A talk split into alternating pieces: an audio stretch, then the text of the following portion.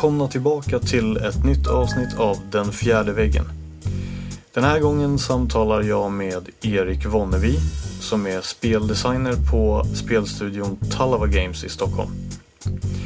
Erik konsultar för närvarande även på The Good Studio och har innan dess även konsultat som speldesigner på en handfull andra projekt.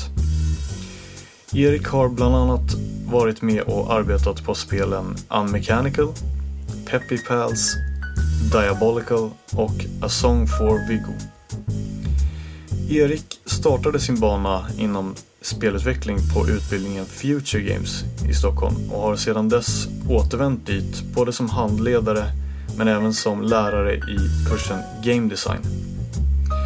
När det här samtalet börjar så har jag precis frågat Erik hur det gick till när han tillsammans med ett gäng klasskamrater startade spelstudion Talava Games. Det var från allra första början, så vi kom på den idén ganska tidigt under utbildningen. Att det var någonting som vi kanske vill göra. Och eh, då började vi höra omkring med de andra i klassen och kände ändå att det finns ett intresse för det här. Mm. Och sen, alltså det som är väldigt intressant när man, när man har 30 veckors praktik framför sig som är betald av CSN, det är ju att man har ett val mellan att vi såg det som att vi hade två alternativ. Antingen så går vi ut på praktik till olika företag, får eh, erfarenhet och sen så samlas vi vid ett senare tillfälle, lämnar våra företag och startar tillsammans. Mm. Eh, eller så startar vi på en gång. Nackdelen med att starta på en gång är att man inte kan någonting. Eh, Precis. Fördelen med att starta på en gång är att man har 30 veckors praktik och så insåg vi kanske att om man hamnar på ett företag så kommer man kanske trivas där och vara lite rädd för att lämna det. Så även om man säger så här, ja men absolut om ett år, ja men då, då sticker jag härifrån mm. och så, så startar vi. Eh, men det kommer aldrig hända. Nej. Eh, så det, det, var väl en, en, stor anledning till att vi, vi övertalade oss själva om att eh, det var en bra idé mm. att göra det. Du var rätt drivande i den, i den processen då, som jag förstått det? Vi alla, vi alla bestämde oss tidigt för att vi alla skulle vara delägare. Okay. Men eh, jag var väl absolut en av de första som var med att gå runt och fråga folk om det var en bra idé och sådär. Och sen jag agerar som vice VD på på Talava Games som det heter. Just det. Mm. Och tar hand om, om vissa grejer som Jesper, vår VD, inte har tid för eller eh, ja. Mm. Vad, vad jag nu kan hjälpa till med liksom. Right. Mm. Uh, men hur många är ni som uh, anställda på, på Talava i nuläget? Uh, vi, sitter, vi sitter i Gamla stan och vi är åtta personer på Talava. Okej. Okay. Och um, bara lite snabbt så här, vilka roller har ni i? För ni, ni är ganska många grafiker väl? Vi är väldigt grafikertunga. Ah. Ja, det är vi. Eh, så vi har... Ehm, man kan väl säga att, att väldigt... Alla har många hattar. Så alla måste mm. göra många saker. Men väldigt grovt skulle man kunna säga att vi har eh, två animatörer. En av dem är programmeringskunnig. Vi har en programmerare slash konceptare. En eh, 3D slash 2D-grafiker. En till 3D slash 2D-grafiker och en grafiker slash programmerare plus jag som är ren designer kan man säga. Mm. Och så Jesper som hanterar eh, projektledning. Okej. Okay. Alright. Ja, det är intressant det där med, med liksom indie, eller mindre, mindre företag, att man måste ha, eh, man måste vara beredd att göra lite allt möjligt kan jag tänka mig. Jo, men så är det ju. Det är verkligen... Eh, det kan vara väldigt mycket så att man ibland får sitta med saker som man inte hade någon aning om att man ska sitta med. Mm. Så är det. Mm. Uh, är det liksom, ser du det som någonting positivt eller? Det beror på vad man, är, vad man är ute efter. Jag menar, jag, jag tror att Eh, när man pratar med andra så är det vissa som tycker att det är väldigt kul med den variationen och att man alltid känner att man, man är i en position där man lär sig saker medan andra känner att de vill mer fokusera på en, en enda grej. Så jag har nog hört många som trivs i, i, i större företag på grund av den säkerheten och, och det konkreta ansvaret som de har. Mm. För mig personligen så tycker jag att det är roligare. Um, med, med att de, de veckorna som det är mer varierat för mig är roligare än de veckorna när det är mer konkret om man Ja. säger så. Ni, ni kom väl ur ett projekt som, var, som blev sen Unmechanical, som var ett spel som släpptes. Visst var det väl... Det var väl grunden till Talava egentligen, eller? Ja, vi hade grundat Talava om, även om inte Unmechanical hade varit på G. Okej. Eh, Så vi hade ju flyt att eh, Unmechanical gjordes av, av tio personer på skolan ungefär. Jag var en av dem. Och eh, vi var ju fem av, av, i det teamet som var med i eh, Talava. Okej. Så därav så, så var det absolut så att, att det var ett Talava-spel, men det var inte bara ett Talava-spel. Nej. Men det gav ju oss en bra, en bra start. För att vi, vi kunde väldigt snabbt ha, någon, ha någonting som var väldigt nära slutet på projektet. Precis. Dagen när vi startade mm, företaget. Så det var, jätte, det var väldigt värdefullt. Men det var väl er så att säga, första egna, eller delvis egna titel i alla fall. Som ni släppte Jo men så var det absolut. Mm. Precis. Har du lust att berätta lite om, om spelet? Liksom? Varför gjorde ni det till att börja med? Det började som ett skolprojekt. Ja. Det projektet blev väldigt bra och väldigt omtyckt. Det projektet polishades inför Swedish Game Awards och blev nominerat till Game of the Year. Eh, Och redan innan det så fanns det en idé och ett intresse för att fortsätta jobba på spelet även efter. Men på grund av att eh, det var ju gjort i UDK som det hette då, på gamla goda tiden. Och eh, Epic Games, det vann inte Game of the Year. Men Epic Games såg spelet och skickade som en liten extra bonuspris. Eh, och därav så fick det ett honorary mention. Så det kändes väldigt coolt. Jag tror till och med att eh, vi skojade lite om att det här är ju bättre än att vinna liksom. Eh, Men eh, det, det gav ju en väldigt en, en boost och det, det på något sätt legitimiserade projektet också som värt att jobba på. Och det kändes också som att det fanns en en motivation från eh, lärarna på skolan och sådär att fortsätta med det. Eh, och då började gruppen liksom att rekrytera mer folk runt om på, på kursen. Och eh, det var en specialisering mot slutet av utbildningen där det var 100% fokus på mechanical där det skulle bli klart. Sen blev det inte klart, eh, men det blev klart sen. Tack vare det fri, ja, fritidsjobb. Okej. Men det, då, då jobbade ni vidare på det under Talava? Eh, liksom. Precis, så vi hade ju, då satt vi ju i, i skrapan Okej. som en... Eh, det skulle varit lite som en inkubator från, eh, eller via Paradox då. Så vi, hade, vi satt på ett projekt hela dagarna där, ett heltidsprojekt. Okej. Och sen så var det någonting som eh, vissa hade tid för att hjälpa till med på fritiden. Okej.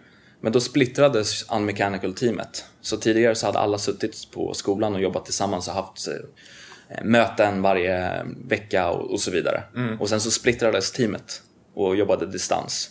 Så det var ju, det var ju segt och det var ju vissa som eh, framförallt fick stor arbetsbörda och tog eh, en väldigt stor del i att faktiskt knyta ihop säcken. Liksom. Okej. Men eh, jag förstod inte kopplingen till Paradox där. Ni satt där. eh, var de insyltade på något sätt? I... Det var, ju, det var lite som att vi gjorde vår praktik hos dem kan man säga. okej. Som ett team. Så de hade en Ni nästan... jobbade på deras projekt också eller? Vi hade ett eget, vi pitchade ett projekt till dem. Ja, okej. Och tanken var att om, eh, beroende på hur det gick, så skulle det eventuellt vara ett projekt som vi kunde fortsätta med efter praktiken som vi fick finansiering för. Okej. Eh, och det fick vi inte. Nej. Nej, för då skulle jag kunna säga vad det var för någonting som vi jobbade på då. Men det var, vi kom dit och fick, eh, vi hade liksom en producent, vi fick tillgång till deras QA-team, vi hade en eget, ett eget kontor, fick datorer av dem och de hanterade oss väldigt, väldigt väl. Och vi lärde oss otroligt mycket av att, av att på en gång få en sån ska man säga, professionell situation att jobba i. Så vi jobbade mot eh, milestones och vi, hade, liksom, vi var tvungna att leverera eh, milestone-paket och eh, hantera planering och deadlines väldigt, väldigt seriöst mot dem. Okej. Ehm, jag skulle vilja prata lite om uh, din, uh, din inriktning inom branschen, alltså din roll. Uh, för du... alltså, som jag förstått det så varje år är det ju någon eller några från, i alla fall från Future Games som, som satsar på liksom att bli game designer. Just alltså, ja, den, den rollen. Som, ja, mm. som, som jag, jag tänker generellt liksom att det är ofta en så här, det är en liten, alltså en roll som man arbetar sig upp till på något sätt. Det är lite så här, du vet, farfarsrollen liksom. Vi som inte förstår oss på det här sunt förnuft. ja, precis. Som andra förstår sig på, ja. Mm. Men, men det satsade du på direkt helt enkelt? Ja, jag hade nog inte satsat på det om vi inte hade startat eget företag. Ah, okay. Då hade jag nog hittat någon mer lämplig ingångsroll. Mm. Eh, för det är supersvårt att få eh, praktik eller jobb som, som speldesigner på en gång. Många, många företag ser inte på det som en juniorposition till att börja med. Så det bara, det bara går inte i många fall. Eh, men ja, många, många ser det just som en, en roll som man jobbar sig upp till. Liksom. Mm. Och det är absolut som du säger att varje år så är det vissa som insisterar på att det är det som är deras grej. Mm. Mm. och det, ja. och det, det, men... ja, vad ska man säga om det? Jo, de, eh, man förstår ju att Självklart så ska man ju syssla på det som man, eh, eller satsa på det som man känner att man är duktig på och det som man verkligen är passionerad och driven för att göra. Eh, samtidigt får man ju då ta en ganska stor risk.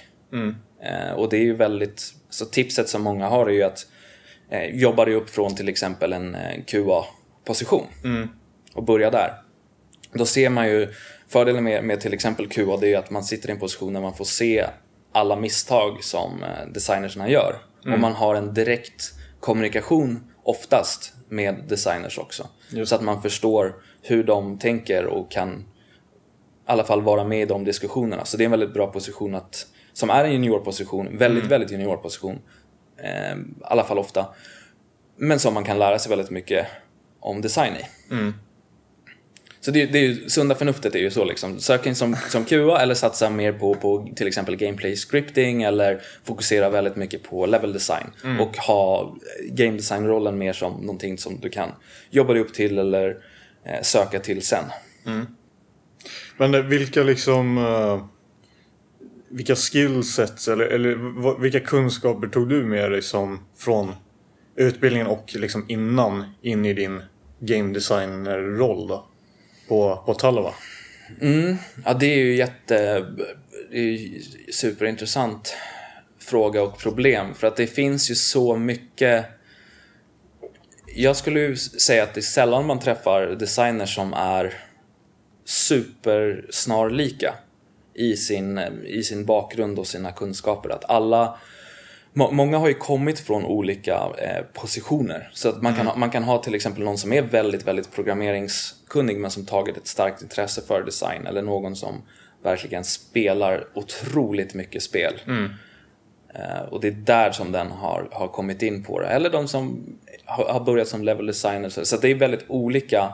Jag skulle inte säga att det finns en, en jätte, jättesnarlikhet mellan olika. Men att om man inte har ett väldigt, ska man säga, vårdat och välformulerat språk, dels eh, verbalt och skrivet, så tror jag att man har det lite svårt. Eh, eller vårdat, välvårdat kanske är fel ord, men kommunikationsförmåga nämns ju ofta vara den absolut viktigaste mm. saken. Eh, viktigaste förmågan. Och poängen, en poäng är ju att man sitter väldigt ofta i diskussioner. Och man, man skriver ofta ner saker. Mm. Och man kommunicerar ofta vad det är som ska göras och varför det ska göras. Och jag tror att det är väldigt svårt om man inte har eh, den förmågan, mm. i alla fall på en hyfsad nivå. Eh, sen är det ju samtidigt också väldigt värdefullt med ganska djupa kunskaper inom den genren som man eh, jobbar inom.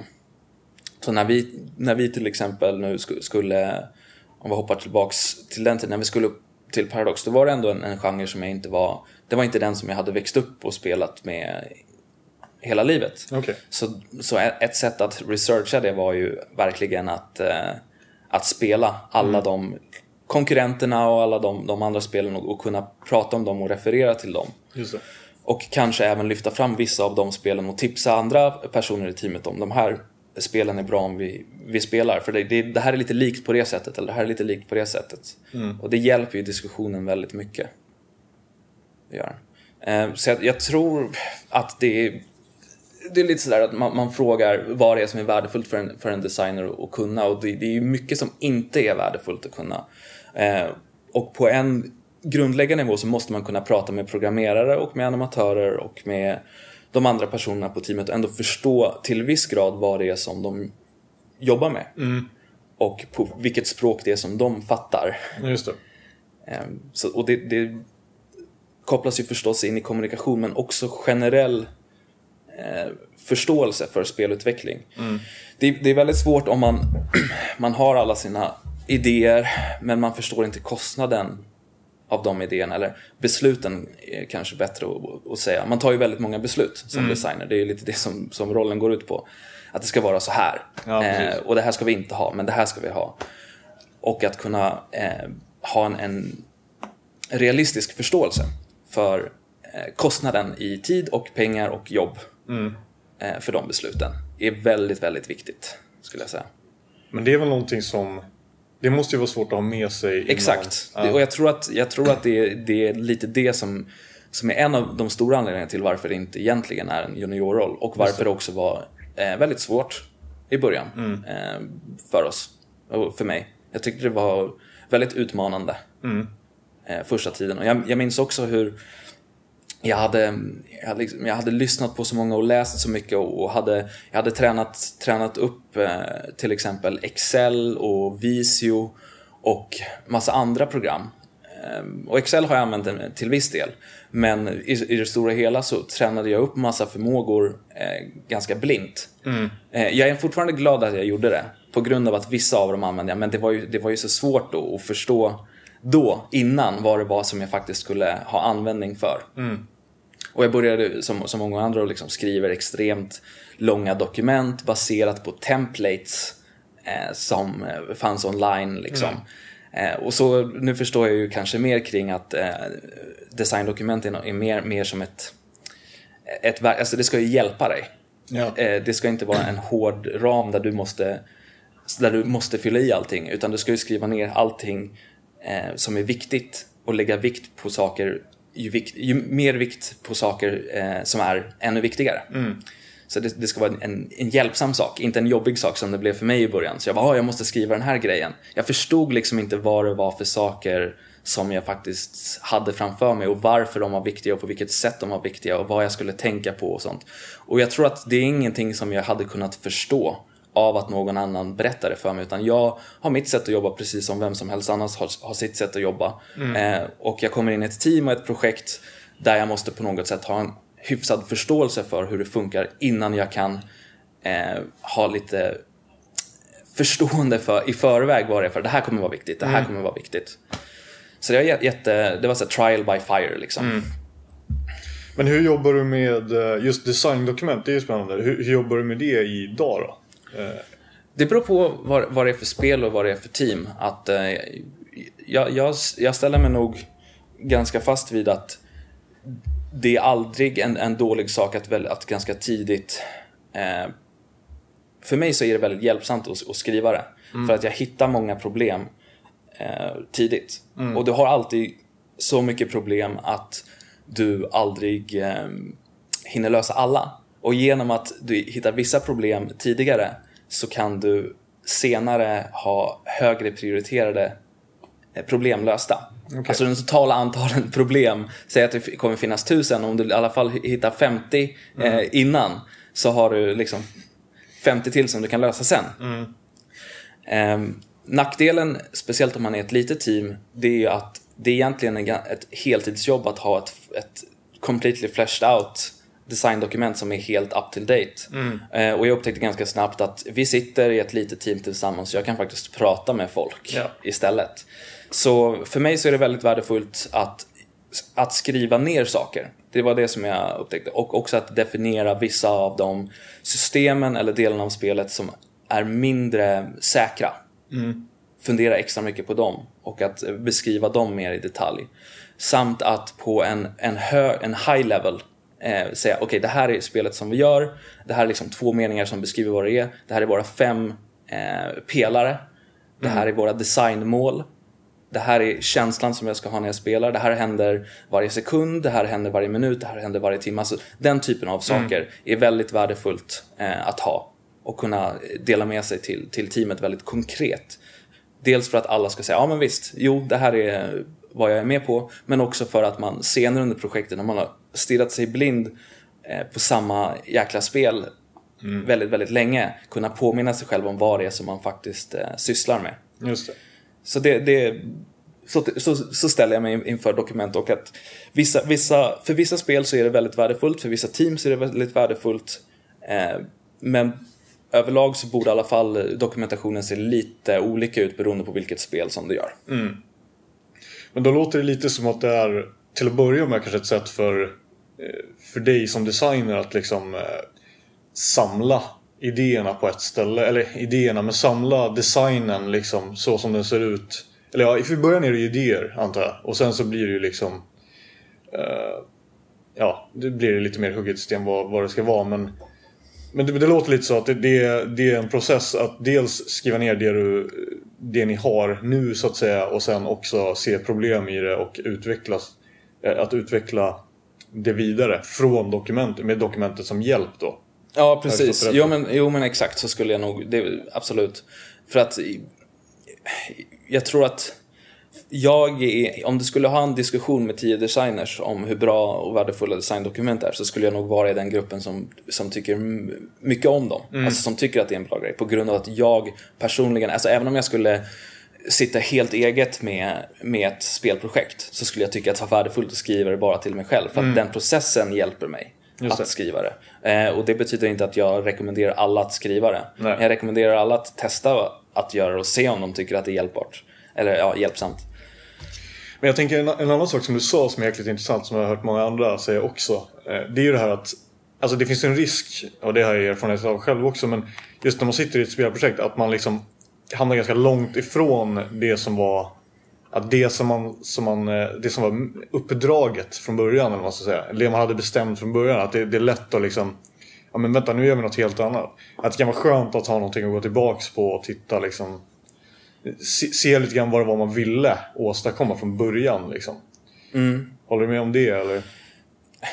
Alltså ju högre upp du går det vill säga alltså på, man brukar kalla det för, för high level design. Liksom, mm. att ju, när, när, du säger så, det här är upplevelsen som vi ska skapa. Ju högre upp du går på den stegen, mm. desto mindre chans är det att det är någonting som du kommer att vilja ändra. Visst, du kanske ja, kommer att ändra det, men det, så det är väldigt viktigt. Sen ju längre ner du går, desto större chans är det att det ska ändras. Och så, så, att när du, om du skriver ett, ett, ett designdokument och ändå försöker att hålla det ganska up to date, jag tror att du kommer märka ganska snabbt att i de flesta eh, fallen så, så, är det otroligt mycket jobb faktiskt. För att mm. det är så mycket saker som, och det är så man ska jobba för att man lär sig eh, mer om, om, eh, om spelet för varje dag som man jobbar på det. Ja. Så, det finns ju, vissa gör ju misstaget kanske att, att hålla sig för, för hårt till designdokumentet. Mm. Och att inte hålla det tillräckligt flytande. Medan det är väldigt vanligt att höra om, om projekt eller där, om, om projekt där dokumenten överges Eh, typ mitt i. Mm. För att då är de bara för röriga och inte alls eh, hjälpsamma längre. Precis. Eh, så, så, så, så, är det. Men absolut att det finns någonting värdefullt med att man har det där väldigt konkret beskrivet. Mm. Och sen tycker jag också att det är lätt att, det är lätt att glömma bort saker ja, om man precis. inte skriver ner dem. Men det är kanske mer av en så personlig nottagande snarare än en designdokumentskrivande mm. som gäller då. Jag tänkte framförallt på high level, den nivån liksom. Att, att till exempel om du säger de här pelarna liksom. Att liksom, ibland kan det vara så att man kanske hade en idé om att det här ska vara gameplay. Det, det ska vara de här fem grejerna ska mm. vara liksom väldigt viktiga. Och så kanske man märker att fast det här som vi gör nu, det har inte att göra med det här. Eh, de här, eller de här två pelarna eller, eller någonting. Mm. Alltså det, det var så jag menar, att man kanske hamnar för långt ifrån det man ville göra. Att sådana grejer kan man ju upptäcka. Mm. Um, och då, ja. Ja det är bra, jag tänker det är bra att, att det är bra att ha, ha det där liksom. Precis, det är bra att ta en paus. När, man, när det händer, då är det bra att ta en liten paus och så frågar man sig själv och teamet. Okej, okay, nu ändrar vi oss på en väldigt hög nivå här. Alltså nu, nu tar vi en ganska annorlunda inriktning. Eh, tycker vi att vi borde göra det? Eh, är det värt att göra det? Eller eh, hur, man nu, hur man nu ser på det. För i, i vissa, vissa fall så kan det faktiskt vara väldigt vettigt att göra det. Att det här som man beskrev på en i, i början, det var någonting som man trodde skulle eh, funka. Ja, precis. Och sen så insåg man, nej men det var inte riktigt det. Eller så kanske det var det, det är det som man verkligen försöker göra, det är poängen med projektet och då kanske man inte ska skifta. Det finns en sån här ganska känt exempel på, på när man sta- startar företag, någon, någon kille som ville göra, han ville göra musik, eh, sälja musik via internet. Och eh, det slutade med att han sålde eh, musik som fick hundar att somna. Så från början så hade han en inriktning att han ville hjälpa musiker över hela världen. Som var så här, de kämpade med att, att eh, sälja sin musik. Och så slutade det med att det var en musiker som blev stenrik på att göra liksom, meditationsmusik på hundar. Så han förmodligen lyckades liksom, han, han lyckades få in pengar. Men förmodligen så var han ganska tom på insidan efter. Ehm, en annan grej som är, nu på sistone så har ju du, du har jobbat, eh, eller du jobbar ju som konsult med eh, eh, alltså en ny startup, alltså som är, alltså de heter ju The Good Studio, som är, det är ju, eller du kan få berätta själv vad det är för någonting. jag tänker. Men du, du jobbar ju där nu en del, som Ja. jag förstått det. Ett par dagar i veckan ja. Och de, eh, precis, det är, inte, det är inte en startup utan de, är, de har funnits ganska länge och de har länge jobbat med eh, e-sport, e-sportsproduktion. Just det. Och det, det är alltifrån liksom att, att hosta olika turneringar till att, att skicka ut rätt folk på, på rätt jobb till att eh, föreslå features och ändringar till olika företag och ge feedback till företag som sysslar med kompetitiva spel. Så det är väldigt, väldigt eh, brett. Men den, den röda tråden det är kompetitiva spel och e-sport. Eh, men det, men det, de, har, de har funnits rätt så länge sysslat med e-sport och det är på kanske senaste året skulle man säga som de har eh, kommit igång med en, en spiritual successor till Quake Just det. eh, ser vi på det som. Och det är flera e gamla eh, e-sportare, främst Quake-proffs då, som är en del av eh, antingen core-teamet eller som kommer in och feedbackar och spelar. Det är en liten... Eh, det är ett litet community liksom som känner varandra ganska väl, de old-schoolarna där, har jag märkt. Men min tid där spenderas också en del med eh, e-sportsjobb, vilket var för, lite överraskande för mig för att jag har inte varit den som kollar jättemycket på, eh, på e-sport, på Twitch och så vidare. Nej. Och det, jag har lärt mig väldigt mycket om eh, hela den världen och om kompetitiva spel och om eh, att, att hålla eh, tittarna underhållna under en vecka genom saker som vem som hostar, vilka overlays det finns på skärmen, vilka dagar, vilka tider, vad som händer under en vecka, vilka dagar de sakerna händer och så vidare. Det är väldigt, det är ingenting som, som jag någonsin har läst någon, någon post någonstans om eller läst i någon Nej. bok eller någonting. Så det är väldigt eh, exklusiv, eh, exklusiva insikter skulle jag säga. Det är jättekul, jättespännande. Och jag, jag, jag skriver, eh, jag har lätt för att skriva. Eh, och jag har lätt för att eh, få strukturera upp saker och ting, idéer och se vart eh, det kan finnas brister eller vart det kan finnas möjligheter för, eh, för nya för nya idéer eller, eller ny, nya features. Så där har jag kommit in lite som någon som... Jag har fått skriva ganska mycket av de eh, designen, designsen som eh, vi har tagit fram. Okej. Ja. Kul. Så alltså för själva, för gameplay eller eh, liksom för struktur eller för vad? Exakt. Både för spelet och, och design och faktiskt för eh, e-sport. Så Okej. vi, vi har sålt in olika koncept till eh, några av, av jättarna inom e-sportsindustrin. Eh, så det, det, det är både och. Okej. Får, du, får du prata någonting om, om det här? Alltså får du gå in på några detaljer kring vad, vad det är för någonting och så? Eller? Inte jättemycket, men jag, jag, en sak som... eh, Det var inte så länge sedan som det var den, den första stora Pro-Am-turneringen. Det var inom Dota 2. Och eh, det var ju med... Alltså Pro-Am då, det är en, det är professionella spelare och amatörer. Lite som golf har, kan ju ha sånt ibland. Mm, just det. Och det är mycket tack vare Faceit då som är en online-service där man signar upp för, för turneringar. Mm. Och det var ett koncept som vi, vi skrev allt ifrån vad, hur det ska kännas för, för spelarna och tittarna och vad, vad, som är viktigt och vilka personer som ska vara med och vilka datum och vilka tider. Och liksom allting som man kan föreställa sig är en del av att, att organisera och styra upp en sån turnering. Och även, och även så underhållningsfaktorer som hur många teams, hur blir man utslagen, eh, hur kan man hålla intresset högt, hur kan man få spelare att inte, eh, liksom amatörspelare att inte känna, känna sig, ska man säga, eh, dåliga eller mm. att, att de, de har en, en ordentlig chans att få lite prispengar. Och den, den, har, den har hållits. Mm. Eh, det, var, det var eh, någon månad sedan nu. Och då då såg vi sen också hur det var många, det är många up and coming spelare som aldrig har fått prispengar förut. Och det, det känns som att det var någonting som togs emot väldigt väl från e-sportscenen. Det, det är jättekul. Och, och på något sätt gå från att man sitter med väldigt långa, lång, alltså långdragna projekt eh, till att väldigt konkret säga, okej okay, nu måste vi fixa det här Eh, bada bim, bada boom. Och sen så händer det, massa personer blir invol involverade, massa stora företag involverade väldigt snabbt. Mm. Och så händer någonting väldigt, väldigt konkret med ja, väldigt tangible resultat liksom. Mm. Så jag tycker det är skitkul. Ja, kul. Men eh, det här eh, spelet som utvecklas nu, man kan säga det är, det är ju ett, äh, ja du, du, sa ju det, det är ju en spiritual successor till äh, Quake då. Ja, det är ett arena FPS. Ja, exakt. Mm.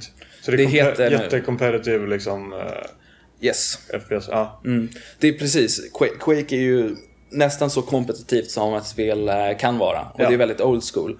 Och det är jätteintressant att tänka på hur, hur det kommer att fungera. Att, att släppa det och vilka saker som kan göra det mer accessible kanske och mm. passa dagens publik mer. Och det, så, så, vi tänker väldigt mycket på, på um, på sådana saker och på underhållningsvärde, läsbarhet för de som tittar på, um, progression för spelaren som sätter sig ner och inte kanske är så bra på en gång uh, och så vidare. Mm. Uh, någonting som är en ganska stor skillnad från, från Quake som jag hoppas att ändå kommer att ha en ganska stor effekt. Det är bara att om, om du kollar på, på, på Quake så är det, det, det är, så här, det är väldigt mörkt. Mm. Det ser svårt ut det, det ser så här, oh det där är shit vad snabbt och shit vad mörkt. Mm. Och det är ganska svårt att läsa av vad som händer för någon som är, är en nybörjare. Mm. Så vi har ju en, en, en, inriktning som är väldigt färgglad och eh, positiv och, och liksom tongue in cheek. Eh, det, är, det är roligare mm. helt enkelt. Eh, och det har inspirerat många saker, allting från liksom hur det känns och hur det ser ut. Och det, är, det är jättespännande att jobba med, att, att ha en helt Eh, att ta, ta en genre som är rätt så etablerad mm. och där man inte vill göra allt för mycket eh, med mekanikerna för att man vill, man, det, finns en, det finns fortfarande en publik mm. som spelar Quake. Och de vill ju eh, ha core-mekaniken som Precis, det var. Liksom. så det, där, det, är ju, det är det som är, inte, inte säkra kortet, men det är ju liksom ändå en core audience mm. som man inte vill försumma. Precis. Eh, så, det, så det är väldigt intressant att ta det och liksom helt ändra tonen och känslan för det ändå. Men ändå på något sätt behålla de viktiga sakerna som... Så att det, det är ibland så när man har en diskussion att man börjar förstå, okej okay, det här är ett, Ändrar vi på det här så liksom, försvinner magin med eh, vad som får det att funka till att börja med. Så mm. det här får vi inte göra, men det här kan vi göra. Mm. Det är jättekul att, att röra sig runt in, under det minfältet liksom. Ja, det låter ju superspännande. Mm. Eh, Jo, just det. det. det. du sa med här med läsbarhet förresten. Nu hoppar jag lite här. Mm. Uh, det var intressant tycker jag. För det, det låter som att det är väldigt mycket design kring det då. Alltså, men är det även på... Alltså är det på... Eh, tänker du liksom in-game eller är det liksom för själva spektaklet? Liksom, liksom är det på hudden det ska vara läsbart eller, eller vad? På det, vilken nivå det pratar allting, du om då? Allting, allting ja. absolut allting. Eh, vad saker gör, vad har de för effekt? Att kunna skilja på olika vapen och förmågor och vad som är viktigt att kunna få översikt eh, kring det hela. Och det finns ju också en, när Quake kom så fanns inte den eh, e-sportskulturen som, som finns idag. Och om man kollar på till exempel en, en Hearthstone-turnering nu, mm. då är det ju de har ju overlays till exempel. Och de har olika kameror och de pastar in eh, profilbild på ena spelaren mot den andra spelaren och det är stats som kommer upp på skärmen. Eh, och det är ett väldigt, det är så väldigt sportigt tänk. Det är som att man kollar på eh, Super Bowl ungefär. Ja. Och det är den typen av, av feedback som man får. Så hela den biten är jätteintressant. Ja. Eh, Men sen finns det också mer integre- saker som är mer integrerade i spelet. Som är, ja det har ju allting som, som du, du nämnde till exempel eh, UI, absolut. Att kunna läsa av det. Att kunna läsa av eh, vart spelarna är och att kunna skilja på olika lag och att kunna skilja på olika spelare och så vidare. Så det är mycket visuellt, absolut. Eh, ja, mycket visuellt kan man säga att det är fokus på det. Och det är många, det, snarare än att det är du vet, ja det är den här grejen som kommer göra all skillnad. Så är det nästan som att man ser eh, kanske hundra jätte, jättesmå grejer som tillsammans eh, har en stor effekt. Okej. Eh, Jag skulle vilja gå tillbaks eh, en, en sista gång här till det game design-rollen som vi har pratat om en del. Eh, Därför att det är nämligen så att du har ju pratat tidigare om det att eh, alltså people skills så att säga. Alltså att, att kunna handskas med personer, att kunna vara en eh, en person som är bra på det so- sociala spelet eller vad man ska kalla det för. Är, är en viktig skill eh, hos en game designer. Det vet jag att du har sagt tidigare. Skulle du vilja utveckla det lite, lite, lite grann? Ja. Ehm, jo men det, det, självfallet är det ju så att för många för många designers så sitter man i en situation där man på något sätt är också som en inspiratör. Och in, kanske inte, lite, inte ledare på samma sätt som en, en VD eller producent är, utan man leder lite underifrån. Och att man eh, försöker att hålla folk på samma sida, motiverade mot samma mål och så vidare. Så där har du en väldigt konkret anledning till varför det är värdefullt att kunna hantera människor och kommunicera med människor och förstå människor. Eh, Men sen finns det också eh, Kanske lite vad jag har pratat om det är att jag har märkt att det är många som ehm, Alltså det handlar väldigt mycket om förtroende. Om, res- om respekt. Och även om man kanske inte vill erkänna det på en gång så har jag ändå märkt att vissa dagar när man, har, när man kanske inte har haft lika bra kontakt med någon så blir det svårare att designa med den personen också. Ehm, ja, det, är en, det skulle jag absolut säga är en, en ganska stark observation. Men Du menar när man aldrig har haft något, eller menar bara att det var ett tag sedan man diskuterade? Eller vad menar du?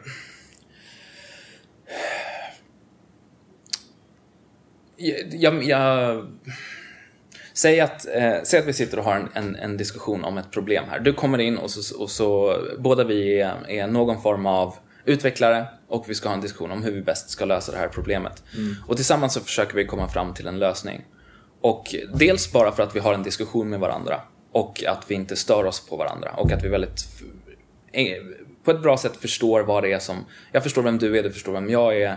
eh, Och vi, vi har en, en diskussion. Det hjälper. Om, om, du, om du har två personer som inte kan jobba med varandra, då är det väldigt, väldigt svårt att ha designdiskussioner, i, i min erfarenhet. Ehm, Så därav så är det...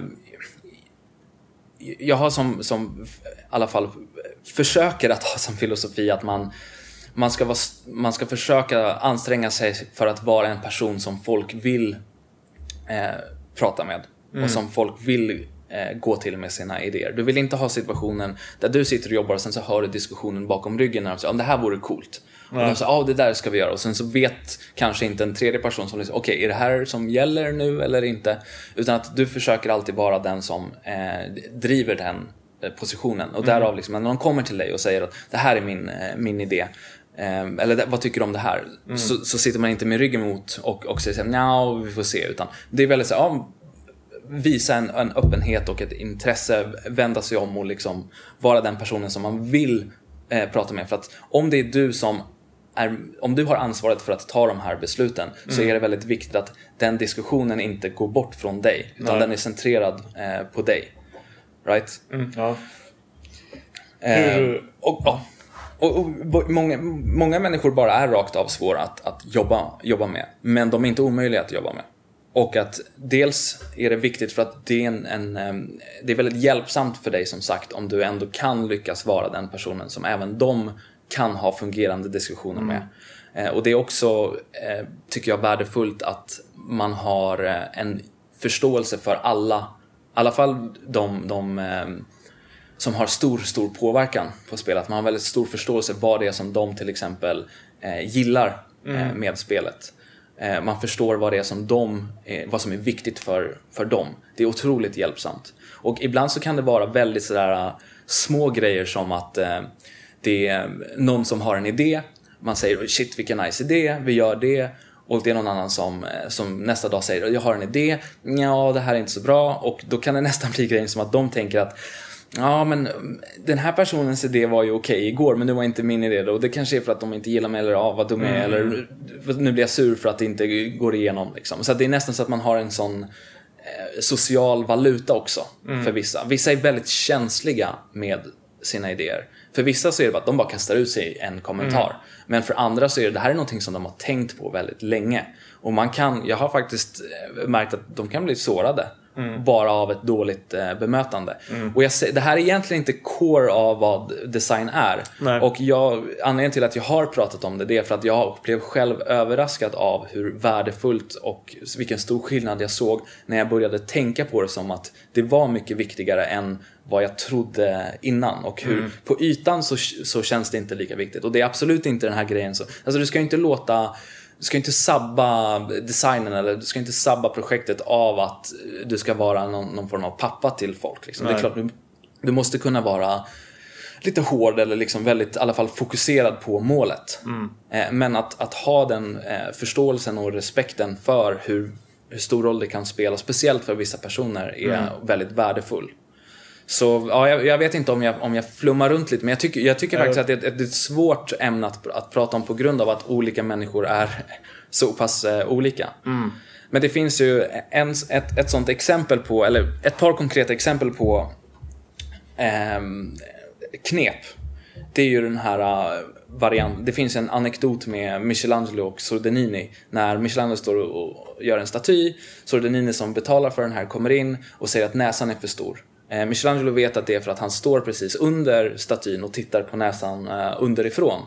Eh, men han kan inte riktigt säga det på en gång för Sordenini har, han tycker så nu. Och han vill också känna någon form av ägarskap i hela processen. Så Michelangelo säger, ja men gå upp och, och, ställ dig uppe så ska jag fixa till näsan. Men han tar bara upp lite marmor från golvet och håller den i handen och låtsas knacka på näsan. Och man hör klick klick och det kommer lite smulor. Men eh, medan Sordenini har placerat sig från den positionen som har mer eh, som har, har ett mer fördelaktigt perspektiv på statyn. Och så säger han, ja, kolla på statyn nu och då så Sordenini, ja men shit det där är perfekt liksom. Men det är samma näsa. Och resultatet av det är att det är ingenting som har förändrats i, i statyn. Eh, kreativa visioner har inte förändrats. Men det positiva det är att Sordenini som är en väldigt viktig person i, eh, i projektet om man säger så, har, känner delägarskap, känner motivationen och, och liksom har en, en, en större eh, eh, vad ska man säga, förtroende för eh, Michelangelo. Och att det känns som att förhållandet där har blivit bättre. Så att, och det är ju en, en jättebra anekdot. Jag känner igen exakt den situationen väldigt mycket. Att ofta så är det inte viktigt kanske att vi gör exakt det som du säger, utan det är mer viktigt att jag säger eh, att det är en väldigt intressant idé och att jag verkligen lyssnar på den. Och att jag lyssnar på dig som person. Och att därav så har du ett förtroende för mig. Ja, när, när, alltså när vi startade Talava så hade ju alla samma erfarenhet. Rent objektivt så var alla i princip lika bra designers. Liksom. Men jag kom, jag, på en gång så, när vi satte oss i olika ansvarsområden så fick jag eh, designansvaret. Och jag har fått både feedbacken att jag är för bra eller lyssnar för mycket för, för bra, nej, att jag lyssnar för mycket, mycket på andras idéer. Att det är för mycket kompromissande, men också att jag lyssnar för lite på andras idéer. Och att hitta den gyllene vägen och den balansen är jättesvårt. Men också kul, liksom. Det är väldigt subjektivt också. Exakt, att, exakt. Det är som sagt, för vissa personer när de bara slänger ut sig någonting, då har de bara slängt ut sig någonting. Men för andra så är det, det kommer liksom från hjärtat. Mm. Det är deras bebis, alltså det är en liten Precis. idé bara för någon, någon pytteliten grej i spelet. Och det, det är nästan, ibland så är det så att eh, de, eh, de, de kan ha, vad ska man säga, eh, det är nästan så att deras sätt att se på idén som att det här är en sån liten grej, det kan inte vara stort negativt för spelet för att det påverkar bara en liten del av spelet. Men för mig så betyder det otroligt mycket. Mm. Så det känns verkligen som att kom igen, gå med på det här. Mm. Så det, det, det, kan vara väldigt känsligt. Mm. mm. Eh, just det, ett annat spel som, som Talova är inblandad i är det här eh, spelet som såg väldigt intressant ut. Eh, A Song for Viggo. Som mm. är... Eh, det är väl det jag har sett där att det är. Det är ett spel om depression och det är uppbyggt av eh, det är pappersmodeller som jag förstått det. Mm. Har du lust att berätta lite vad, vad ni, hur, hur er roll är i det projektet? Ja, eh, och det är också intressant just nu när vi snackar lite om, om design och vad, hur jag känner kring eh, designrollen. Eh, för det är Simon Karlsson heter han, som var, han var student på Future Games. Jag var mm. lärare där. Han visade spelet för mig lite, det var inte en del av kursen någonting, det var någonting som han satt själv med. Sen gjorde han en kickstart på det lite senare och eh, jag gratulerade att han uppnådde målet och frågade om det finns något sätt som vi kan hjälpa till med. Och då hade han förstås insett att om han ska sitta och klippa och klistra och skriva story och programmera allt det här och även sitta och retuscha alla bilder så kommer att han få eh, ett stort väldigt, väldigt stort eh, jobb framför mm. sig. Så han eh, ville faktiskt ha lite hjälp och ganska snabbt så kom vi igång på, på det här projektet på grund av att när vi startade Talava så hade vi ett ganska stort intresse för egentligen alla typer av spel som gör någonting väldigt annorlunda. Alltså Pepper Pals Frost är någonting som är annorlunda och Diabotical, eh, det här Good Studio-spelet, är också någonting som eh, gör någonting eh, annorlunda. Mm. Och det, så det är inte nödvändigtvis ett speciellt sätt att göra det på. Eh, sen för, för A Song for Viggo så är ju det att Simon sitter och klipper och klistrar i en liten garderob. Det går nog inte att bli mer legit indie än vad, vad Simon Nej. är. Eh, och, så, och så är det stop motion och så retuschas de bilderna. Viss 3D-grafik måste användas eh, för att eh, supporta upp det här. I vissa fall mm. så är det väldigt svårt bara att få till det med, med rent klippa och klister. Men, men stort, i stor hela, alla miljöer är liksom, det är bara, det är bara papper. Så det är, mm. i stort sett så är spelet gjort i, i papper. Eh, och det handlar om en pappa som av misstag kör över sin egen son och det livet som är efter. Fyra nyanser av brunt är en, eh, en referens till det. Liksom, mm. att det, är, det är väldigt deppigt. Väldigt vardagligt och väldigt annorlunda. Men också väldigt mänskligt. Och det är en, det är en story som kommer väldigt starkt från, från Simons hjärta. Mm. Så eh, vi, vi hjälper till med, till viss del eh, hjälper vi till med projektledning men framför allt så hjälper vi till med grafiken och programmeringen. Att få ihop det här. Så okay. att han, han producerar råmaterial och story och vi hjälper honom att knyta ihop säcken. Så vi har ju eh, två, eh, två, två och en halv personer på det kan man säga heltid. Okay. Och eh, en, en intressant liten grej med det projektet är att eh, som, som en designer så känner jag att, eh, eller vi hela Talava, vi kände att när vi började samarbeta med Simon så han har en stark vision på det här och det här är verkligen den typen av spel som är väldigt storydrivet och väldigt personligt. Mm. Eh, så vi, vi säger inte så mycket om designen. Nej. Utan jag, jag, känner att eh, det här är ett väldigt bra exempel på den typen av spel där två visioner eventuellt skulle clasha och mm. resultera i ett sämre resultat än om vardera vision fick bli väldigt eh, tydlig och, och ja, klar. Så, och det är jättekul också att, att, lära sig av det, att, att jag får liksom den här uh, utanför perspektivet, att, att titta på det från, från, uh, från utsidan. Mm. Och, och, se på design på det sättet. Så, uh, Song for Viggo sitter vi med nu, som sagt. Uh, kommer vi sitta med ett, ett, bra tag framöver. Det tar en lång tid att producera spelet. Mm. På grund av sättet som det är gjort, gjort på. Men det är jättekul och spännande. Mm. Ja, det, det verkar superspännande. Jag kommer hålla ögonen öppna framöver här. Som avslutning då skulle jag bara vilja eh, fråga dig. Har du några, alltså utifrån ett designperspektiv då, tänker jag. Eh, har du något eller några favoritspel? Eh, och i sådana fall, varför är de det? Jo, men det har jag nog. Eh, jag eh, för mig så var ju kanske Morrowind, Elder Scrolls Morrowind, ett av de spelen som verkligen fick mig att vilja göra spel. Eh, så det finns, jag använder ofta en väldigt specifik situation i Morrowind. Eh, Morrowind är ju, alla känner inte till det, men det är, Sky, det är förra, alltså två spel innan Skyrim. Det var ju Morrowind, eh, Oblivion, Skyrim. Sen fanns det ju även Arena och Daggerfall innan dess. Men mm. Morrowind i alla fall. Det finns ett quest där Kajit, de här eh, kattmänniskorna. Eh, du hittar en Kajit i någon liten grotta, inspärrad. Mm. Och så är det en smugglare som säger att skicka den här Kajiten till, det är, drogsmuggling. Mm. Och det här är en mula då för den här drogen.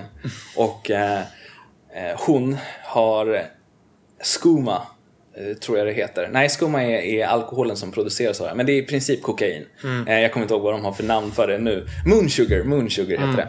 Hon har moonsugar i magen. Så poängen är att du ska smuggla henne till eh, en annan drogboss. Och han ska, kommer döda henne och kutta upp hennes mage för det här moonsugar.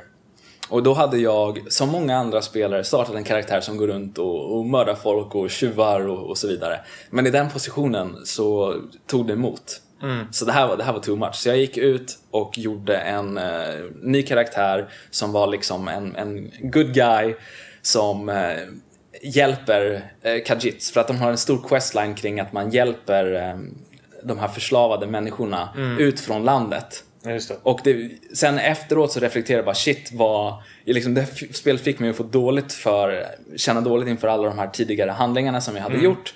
Och det verkligen tog emot eh, i det här, alltså jag, det verkligen kändes. Eh, så det, för mig så var det en, just den punkten, jag minns den väldigt starkt. För att det var ett spel som var helt fantastiskt och sen en situation som var väldigt, eh, väldigt stark. Och liksom hela den här världen på något sätt gjorde att just den här specifika eh, situationen fick en kontext och mm. att det spelade roll. Så det, för mig så var det förmodligen det spelet som, som spelade störst roll. Eh, och sen har jag favoriter i, i Heroes och Might and Magic 3, eh, Diablo 2, Transport Tycoon och första Bioshock. Okay. Det är personliga sådana spel som jag har spelat väldigt stor roll för min egna, mm. vad jag tycker om för spel och vad jag vill göra för typer av spel. Mm. Är det just liksom, är, är det designen i det eller är det mer liksom personliga eh, som säga, upplevelser eller liksom känslor kopplade till dem som, som gör att de betyder mycket tror du? Jag tror att det är lite som att jag, jag måste särskilja på mig själv som en spelare och som en designer. Och att när man gör, det är inte nödvändigtvis de spelen som man tycker är kul att spela som man tycker är kul att designa. Nej. Men det var många av, av de här spelen som jag nämnde som på olika sätt tilltalade mig personligen. Och på ett väldigt starkt sätt som inget annat medium har gjort. Mm. Och det på något sätt har fått mig att, att förstå hur kraftfullt spel kan vara och inspirerat mig till att göra spel som är kraftfullt, inte nödvändigtvis på exakt samma sätt, för att det är också kul att göra nya saker, men som tilltalar eh, människor, andra människor på, på de, eh, inte, ja, som sagt, inte nödvändigtvis på samma sätt, men på, på liknande sätt eller på motsvarande sätt. Så det kan vara allting ifrån hur, hur eh, vilka känslor det är som väcks i de spelen. Eller hur fast jag har blivit i de spel som är fallet med Heroes 3. Eh, mm. Um, eller i fallet av Bioshock, liksom hur eh, de, de miljöerna verkligen berättar en, en story. Mm. Så det är ju super, det är egentligen, det är lite som, som eh, Metroid, Super Metroid. Du kommer ner i en värld som egentligen storyn är hur du som en detektiv rör dig genom miljöer och pusslar ihop det här. Eh, och det är väldigt, väldigt svårt att, att få den upplevelsen i något annat spel. Och just den här eh, eh Fallout 3, väldigt bra exempel också, när du, när du kommer upp till exempel ett rum och ser två skelett som spoonar varandra i, i sängen. Liksom. Det, mm. det är ju ex, extremt eh, kraftfullt ja, och, och häftigt med just det här att, att utforska miljöer och, och låta dem berätta berätta saker. Så det är, det är, många saker som är intressanta med spel och det, skulle jag prata längre om det skulle jag säkert komma på många andra mm. exempel på spel och, som har, har, spelat stor roll. Men eh, ja, det är några exempel från the, from the top of my head. Mm. Okej, men då får jag tacka dig så jättemycket för att du ställde upp. Mm. Det var jättetrevligt. Eh, det var alltså Erik Vonnevi